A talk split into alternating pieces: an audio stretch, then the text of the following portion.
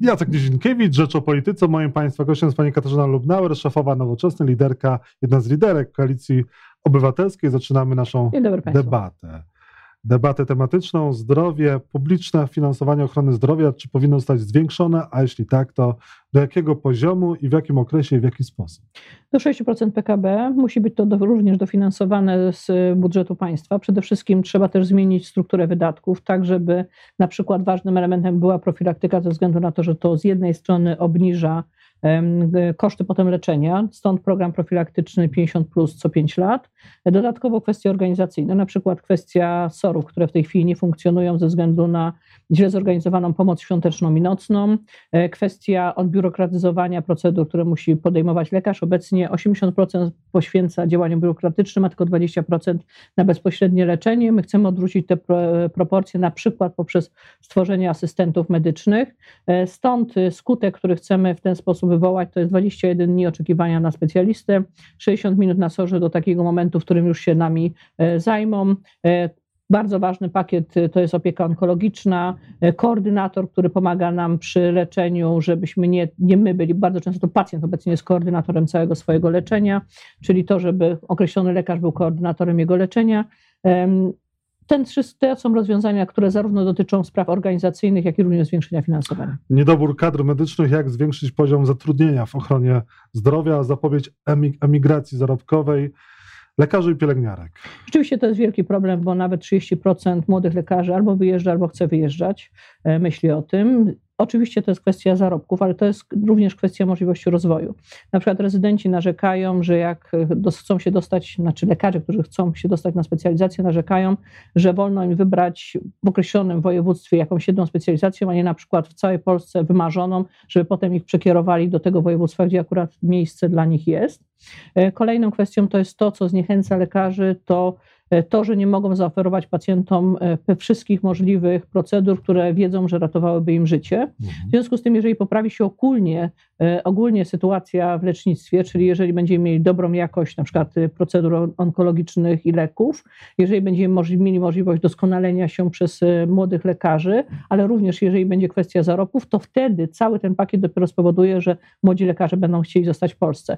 Jest jeszcze jeden element, proponujemy stypendia samorządowe, które spowodują, że młody lekarz będzie chciał zostać tam, gdzie e, albo mieszka, albo się kształci, ponieważ często mamy uciekanie młodych lekarzy z mniejszych miejscowości, gdzie brakuje rzeczywiście dramatycznie. Brak leków w aptekach również jest problemem. W jaki sposób nie dopuścić do sytuacji z połowy 2019 roku, jak walczyć z tak zwaną mafią lekową e, wywożącą leki z Polski?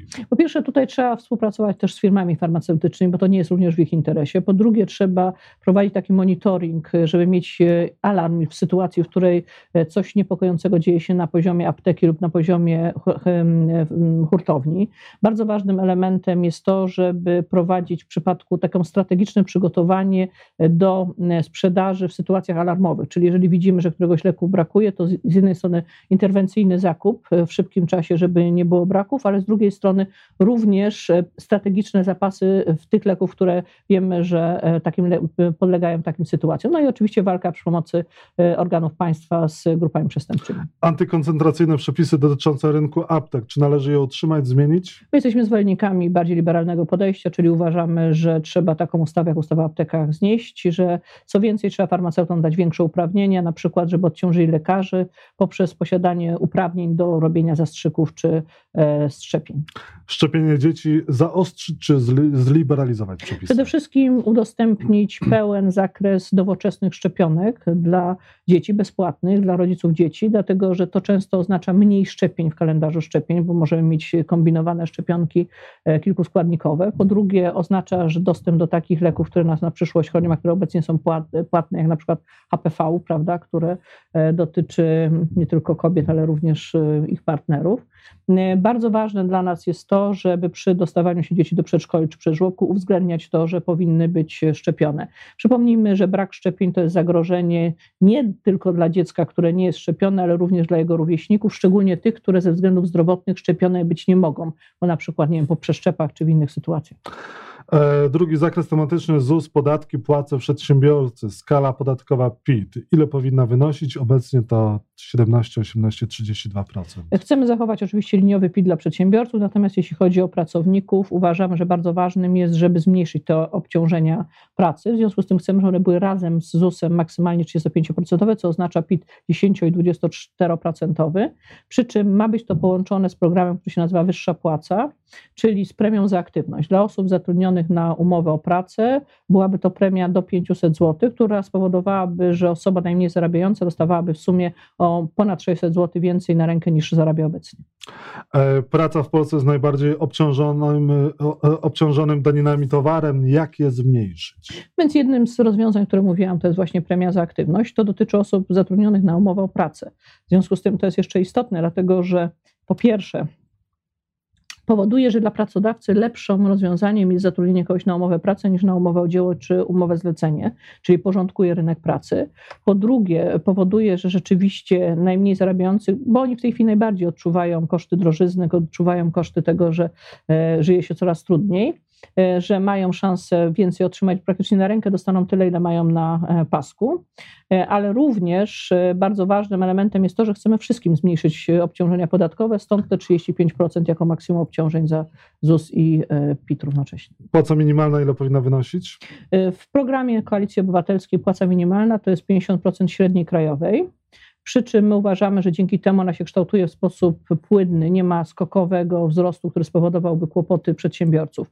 Podnoszenie sztuczne płacy minimalnej w tak skokowy sposób, jak proponują to e, nasi oponenci polityczni, powoduje dwie rzeczy. Po pierwsze, doświadczenia innych krajów powodują, pokazują, że się zmniejsza liczba miejsc pracy. Tutaj mamy przykład Korei Południowej, gdzie bardzo szybko rosły płace minimalne. Efekt był taki, że w krótkim czasie, w ciągu roku, liczba miejsc pracy spadła z 6,1 miliona do 5 miliona 900 tysięcy, czyli oznacza to, że ludzie będą wypychani z rynku pracy na bezrobocie. Po drugie, będą im zmieniane umowy o pracę albo w formule umowy o dzieło, bo tam nie obowiązuje e, minimalna płaca, albo umowę zlecenie, albo na przykład na część etatu.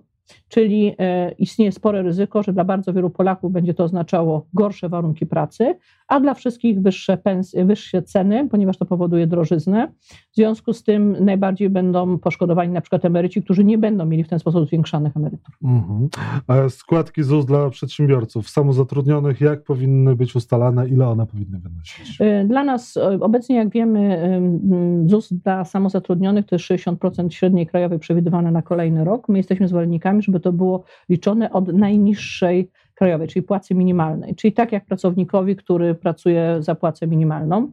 Dzięki temu oznaczałoby to obecnie lepsze rozwiązanie dla osób samozatrudnionych, niższy ZUS około 2,5 tysiąca rocznie, czyli rzeczywistą korzyść, przy czym e, uważamy, że rozwiązania, które oznaczają jakieś dopłaty do pewnej kwoty przychodów, powoduje, że bardzo wielu małych przedsiębiorców prowadzących mały biznes typu fryzjer, zatrudniający jedną osobę, okazałoby się, że już się nie łapią na te rozwiązania, które proponują nasi przeciwnicy. Limit 30-krotności składek do ZUS, on powinien zostać zachowany, zniesiony, zmieniony? Zdecydowanie jesteśmy za zachowaniem limitu, dlatego że po pierwsze, dla pracodawcy oznacza to oczywiście nagłe podniesienie kosztów, dla pracownika oznacza to niższą obecnie pensję, przy czym e, e, państwo kiedyś za to zapłaci, dlatego że limit 30-krotności średniej krajowej został wprowadzony po to, żebyśmy w przyszłości nie płacili kominowych e, emerytur, czy żebyśmy nie mieli do czynienia z sytuacją, w której niektóre osoby, które obecnie bardzo dużo zarabiają, e, płacą co prawda teraz wyższą składkę, ale w przyszłości będą horrendalnie wysokie emerytury otrzymywać. W związku z tym, po pierwsze, to jest zadłużanie się na poczet przyszłych, e, przyszłych osób pracujących, a po drugie, jest to wypychanie z polskiego rynku, również na emigrację, wysoko specjal, specjalistów wysokiej rangi, na przykład informatyków lub lub specjalistów y, rzadkich zawodów. Kwestia edukacji. Przejdźmy teraz do nowego tematu. W szkołach brakuje nauczycieli, a nowi nie chcą przechodzić do zawodu ze względu na niskie płace. W jaki sposób można rozwiązać kryzys kadrowy w oświacie? Oczywiście kwestia e, płacy w mm, edukacji jest ważna, ale wbrew pozorom to nie jest jedyny powód, dla którego nauczyciele e, rezygnują z pracy i brakuje nauczycieli, między innymi w Warszawie kilku tysięcy. Dlatego, że my jest, Zobowiązaliśmy się w ramach deklaracji na rzecz oświaty polskiej, że zwiększymy te zarobki zgodnie z tymi oczekiwaniami, które mieli w czasie protestów e, nauczyciele, ale tam dochodzi kilka innych elementów. Na przykład brak autonomii nauczyciela, czyli fakt, że programy nauczania praktycznie zajmują 100% lekcji. Nauczyciel praktycznie nie ma tej swobody e, twórczej, e, żeby coś zaproponować uczniom ciekawszego albo inną formułę nauki. Dochodzi też atmosfera wokół zawodu nauczyciela, czyli to, że rządzący robią wszystko, żeby nauczyciel nie był dumny ze swojego zawodu. My chcemy przywrócić dumę z zawodu nauczyciela, chcemy zwiększyć zarobki, dać większą autonomię i możliwość dorabiania na w postaci kontraktów na zajęciach pozalekcyjnych. Przeładowana podstawa programowa i nadmiar teorii.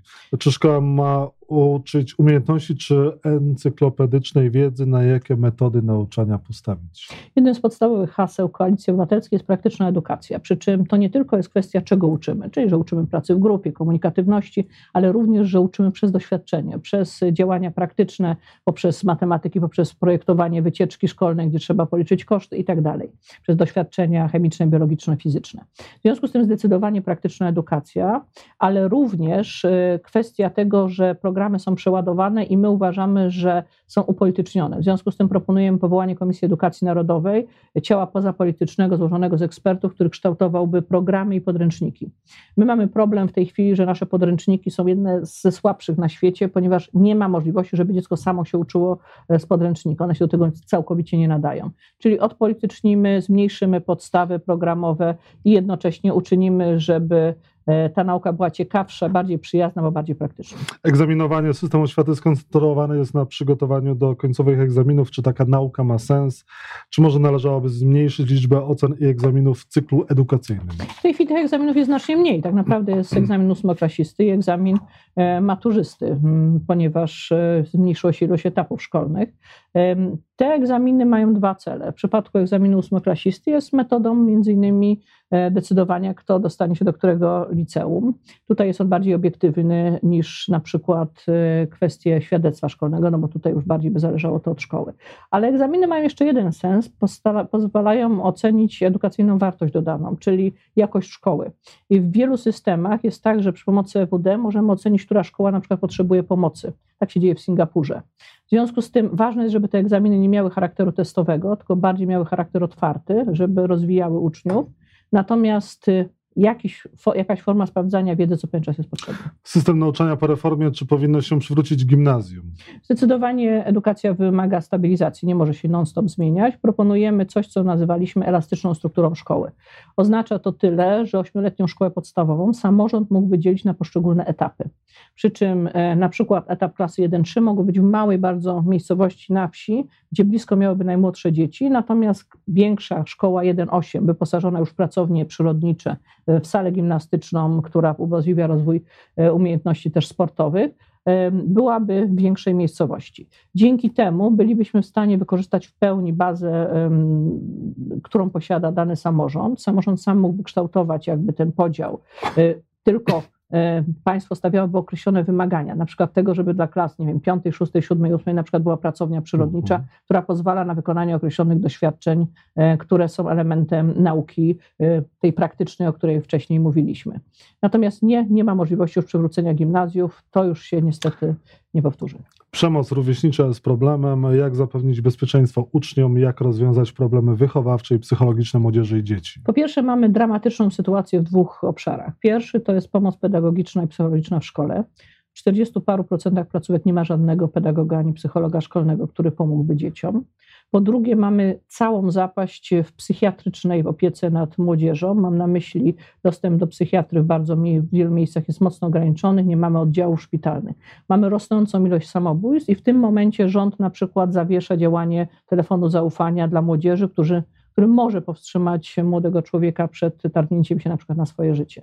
Uczenie tolerancji, otwartości, pomoc pedagogiczna i psychologiczna na terenie szkoły, również na terenie na przykład techników, gdzie jest tylko, gdzie 60% nie posiada e, pomocy pedagogiczno-psychologicznej, e, ale również zainwestowanie w psychiatrię dziecięcą, ponieważ wiemy, że w tej chwili tam jest niesamowity kryzys, między innymi przez wycenę tych świadczeń. Kolejny zakres tematyczny sądy i wymiar sprawiedliwości, konstytucja. Czy ustawa zasadnicza powinna zostać zmieniona? Jeśli tak, to w jakim zakresie? Oczywiście nie widać, żeby w najbliższym czasie była większość, która jest w stanie zmienić konstytucję, natomiast y, pewne rozwiązania, na przykład y, likwidacja wojewody, którą proponujemy, albo inny, for, inna forma funkcjonowania Senatu jako izby samorządowej, gdzie mogą być wybierani również samorządowcy, czy kwestia w przyszłości wyboru waluty euro, jeżeli się na to zdecyduje społeczeństwo, wymaga zmian w konstytucji. Natomiast w tej chwili nie widać się, żeby było coś, co byśmy nazwali momentem konstytucyjnym, czyli większością, która jest w stanie e, na drodze konsensusu zmienić konstytucję. Sądy, jak usprawnić ich pracę i skrócić czas procedowania? Po pierwsze, e, te ostatnie cztery lata pokazały, że to, co mieliśmy, to nie było reformą sądownictwa, ponieważ czas średni się wydłużył, na przykład w przypadku spraw gospodarczych z 4,5 do 6,7 miesiąca. My proponujemy po pierwsze cyfryzację, po drugie e, zmniejszenie mm, e, możliwości delegowania sędziego, bo uważamy, że to pozwoli na odpolitycznienie większe, to, że nie będziemy mieli do czynienia z naciskami na sędziów. Proponujemy, żeby część spraw przejmowały inne e, instytucje państwowe, na przykład urzędy stanu cywilnego, ponieważ u nas ta kognicja sądów, ten zakres obowiązków jest bardzo duży w Polsce. Proponujemy, żeby usprawnić procedury, zmniejszyć opłaty sądowe. Tych propozycji jest e, całkiem sporo. Wszystkie mają dążyć do tego, żeby to była realna reforma sądownictwa, czyli taka, która ułatwia Polakowi skorzystania z sądu. Funkcja prokuratora generalnego i ministra sprawiedliwości powinna być oddzielona? oddzielona? Te cztery lata pokazały nam jednoznacznie, że formuła, w której prokurator generalny jest jednocześnie ministrem sprawiedliwości i urzędującym politykiem, nie sprawdziła się. W związku z tym e, my zawsze byliśmy za tym, żeby rozdzielić te dwie funkcje. Dodatkowo prokuratorem generalnym nie może być urzędujący polityk, powinna być to funkcja całkowicie apolityczna. Człowiek, który ma doświadczenie jako prokurator, człowiek, który rzeczywiście ma wiedzę fachową i jest apolityczny. Polityka karna państwa, jak powinna się kształtować, e, zaostrzyć, złagodzić nowe rozwiązania? Wiadomo, że najważniejsza jest nieuchronność. Wiadomo, że najważniejsze jest to, żeby te rozprawy tu krócej trwały, żeby mieliśmy pewność, że wyroki są e, sprawiedliwe. Natomiast to, z czym będziemy na pewno walczyć, to jest przemoc rodzinna, przemoc w stosunku do kobiet. Tutaj uważamy, że działania antyprzemocowe są bardzo ważne, bo widzimy, że w tej chwili trochę momentami są pokusy, żeby przymknąć na to. Władza polityczna, a sądownictwo, jak powinny wyglądać wzajemne relacje, jeśli mają być jakiekolwiek? Powinny być jak najmniejsze, czyli powinno być jednoznacznie tak, żeby znowu KRS tych 15 sędziów wybierali sędziowie spośród środowiska sędziowskiego, a nie politycy. Powinno być w ten sposób, żeby przywrócić niezależność Trybunału Konstytucyjnemu, Sądowi Najwyższemu i wszystkim tym e, placów, ty, wszystkim tym instytucjom, które należą do trzeciej władzy. To, co się stało w obecnych czterech latach, spowodowało niestety, że mamy bardzo duży spadek zaufania do tych instytucji i co więcej, ich całkowitą klęskę, bo na przykład Trybunał Konstytucyjny praktycznie nie funkcjonuje. Trzeba e, usunąć z Trybunału Konstytucyjnego tych trzech sędziów, którzy zostali tam włączeni w sposób niezgodny z prawem, bo są dublerami trzeba naprawić KRS, który y, wybór był niezgodny z polską konstytucją i trzeba oddzielić trzecią władzę od y, władzy ustawodawczej i y, wykonawczej. Polityka społeczna i socjalna 500 zostawić, zlikwidować, zreformować. Zobowiązaliśmy się do zachowania 500 Jest coś takiego jak zaufanie obywateli do państwa. Muszą wiedzieć, że jeżeli dany program socjalny został wprowadzony, to zostanie zachowany. Podobnie jest z wiekiem emerytalnym. Zobowiązaliśmy się również do wprowadzenia na stałe 13 emerytury, ale równocześnie wiemy, że na przykład 500 plus nie załatwia e, kwestii demograficznych całkowicie. Co więcej, rośnie grupa osób, które są objęte ubóstwem. To wynika między innymi z drożyzny. W kwestiach dzietności uważamy, że bardzo ważne jest przywrócić finansowanie z państwa in vitro. Uważamy, że bardzo ważne jest ułatwienie młodym ludziom łączenia pracy zawodowej z wychowywaniem dzieci, stąd urlop tacierzyński, stąd opieka okołoporodowa dla kobiet, znieczulenie porodowe dla każdej kobiety, która sobie tego życzy i nie ma przeciwwskazań medycznych. Stąd uważamy, że bardzo ważne jest wsparcie budowy żłobków i przedszkoli. Tutaj słyszeliśmy ostatnią wypowiedź polityka PiSu, że żłobki to jest jakiś przejaw komunizmu. Nie, absolutnie my uważamy, że polskie rodziny mają prawo do opieki nad dziećmi w żłobkach i przedszkolach. Wie pan, e, w Warszawie urodziło się 432 dzieci z programu in vitro, który kosztował zresztą 18 milionów, ale nie każdy samorząd w stanie jest unieść ten ciężar. W związku z tym na przykład in vitro finansowane z budżetu państwa jest dla nas bardzo ważnym elementem.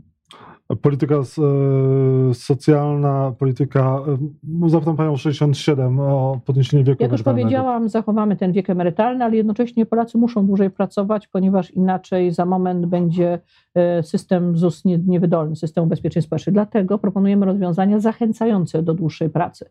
Na przykład kwestie niepłacenia podatków od, od płacy dla osób, które jednocześnie łączą pracę zawodową z pobieraniem emerytury dla osób długo pracujących, czyli tych, które przekroczą 40 lat stażu zawodowego, premia w wysokości 10 tysięcy, przy 50 latach 20 tysięcy w postaci akcji spółek Skarbu Państwa. Ogólnie Musimy też popracować nad zdrowiem seniorów. Bardzo często przeszkodą jest stan zdrowia. Są na przykład bilansy 50 plus co 5 lat dla osób w wieku 50, 55 i tak dalej. Wyższe emerytury i renty, czy może emerytów, rencistów zwolnić z podatków? E, po pierwsze, jak mówiłam już, zwolnienie w przypadku osób, które łączą pracę zawodową z emeryturą. Po drugie, rewaloryzacja, która jest w słusznej wysokości. Jeżeli porównamy zarobki obecne e, i emerytury, to okazuje się, że około 200 zł miałby więcej emeryt, który miałby do średniej e, do średniej płacy taki sam stosunek emerytury jak w 2015 roku. Czyli w tej chwili widać, że 13 emerytura jest kosztem rewaloryzacji emerytur i kosztem tak naprawdę tego, że emerytur, emeryci nie dostają tego, co im się należy. Pani poseł, jakby Pani chciała zachęcić e, Polaków do głosowania na koalicję obywatelską? Koalicja Obywatelska to propozycja państwa, w którym ceni się pracę Polaków, stąd rozwiązanie wyższe płace, niższe podatki, stąd y, likwidacja barier dla przedsiębiorców. Uważamy, że przedsiębiorcy mają prawo rozwijać swoje przedsiębiorstwa, na przykład CIT w wersji estońskiej, który nie płaci się, jeżeli się y, inwestuje zyski. Y, stąd rozwiązania, które wiążą się w ogóle z uproszczeniem różnych procedur w prowadzeniu przedsiębiorstw, na przykład przywrócenie handlu w niedzielę. To jest z jednej strony taki wkład nasz w to, że uważamy, że rozwój bierze się z pracy, a nie z widzimy się prezesa ani z zasiłków. Kolejną kwestią jest to, że my proponujemy rozwiązania, które dają Polakom realną wolność. My uważamy, że Polacy mają wolność DNA, mają prawo do wyboru, jak chcą żyć, kogo kochać. Stąd propozycja związków partnerskich. Bardzo ważne są dla nas też prawa e, kobiet. E, kolejnym elementem jest szacunek do innego człowieka. Uważamy, że nie należy dzielić społeczeństwa na lepszy i gorszy sort. Z szacunkiem dla wszystkich wierzących, niewierzących, niezależnie od orientacji seksualnej, niezależnie od tego, czym się zajmują, czy są lekarzami, nauczycielami, czy sędziami. E, kolejną propozycją to są rozwiązania związane ze służbą zdrowia. To jest dla nas bardzo ważne. Program onkologiczny, to wszystko, co pozwoli nam mieć realną nadzieję na wyzdrowienie, a nie na powolną śmierć, jeżeli nie daj Boże zachorujemy. E, edukacja przyjazna dziecku, bez tornistrów, bez korepetycji, kolejny ważny e, filar naszego programu. I to, co uważam za najważniejsze, a co nie było elementem Pana pytań, e, to jest to, że mamy prawo do tego, żeby żyć w czystym powietrzu. Stąd walka ze smogiem. Jesteśmy za odejściem od węgla w energetyce, walką z CO2 nie pozwolimy na przywóz śmieci do Polski oraz będziemy odchodzić od plastiku. Jest to program nowoczesnego e, państwa, które jest e, przyjazne obywatelowi, ma dobrą jakość usług publicznych, a jednocześnie e, wie, że wszystko, co się, co się finansuje z budżetu państwa, to się finansuje z naszych podatków. Stąd nacisk na rozwiązania dla osób pracujących. Katarzyna Lubnar była Państwa i moim gościem. Koalicja Obywatelska 13 października już mogą Państwo zdecydować, na kogo głosować. Również Koalicja Obywatelska bierze udział w wyborach. Mogą Państwo również zagłosować Dziękuję na Katarzynę bardzo. Lubnauer. Dziękuję za rozmowę. W Warszawie.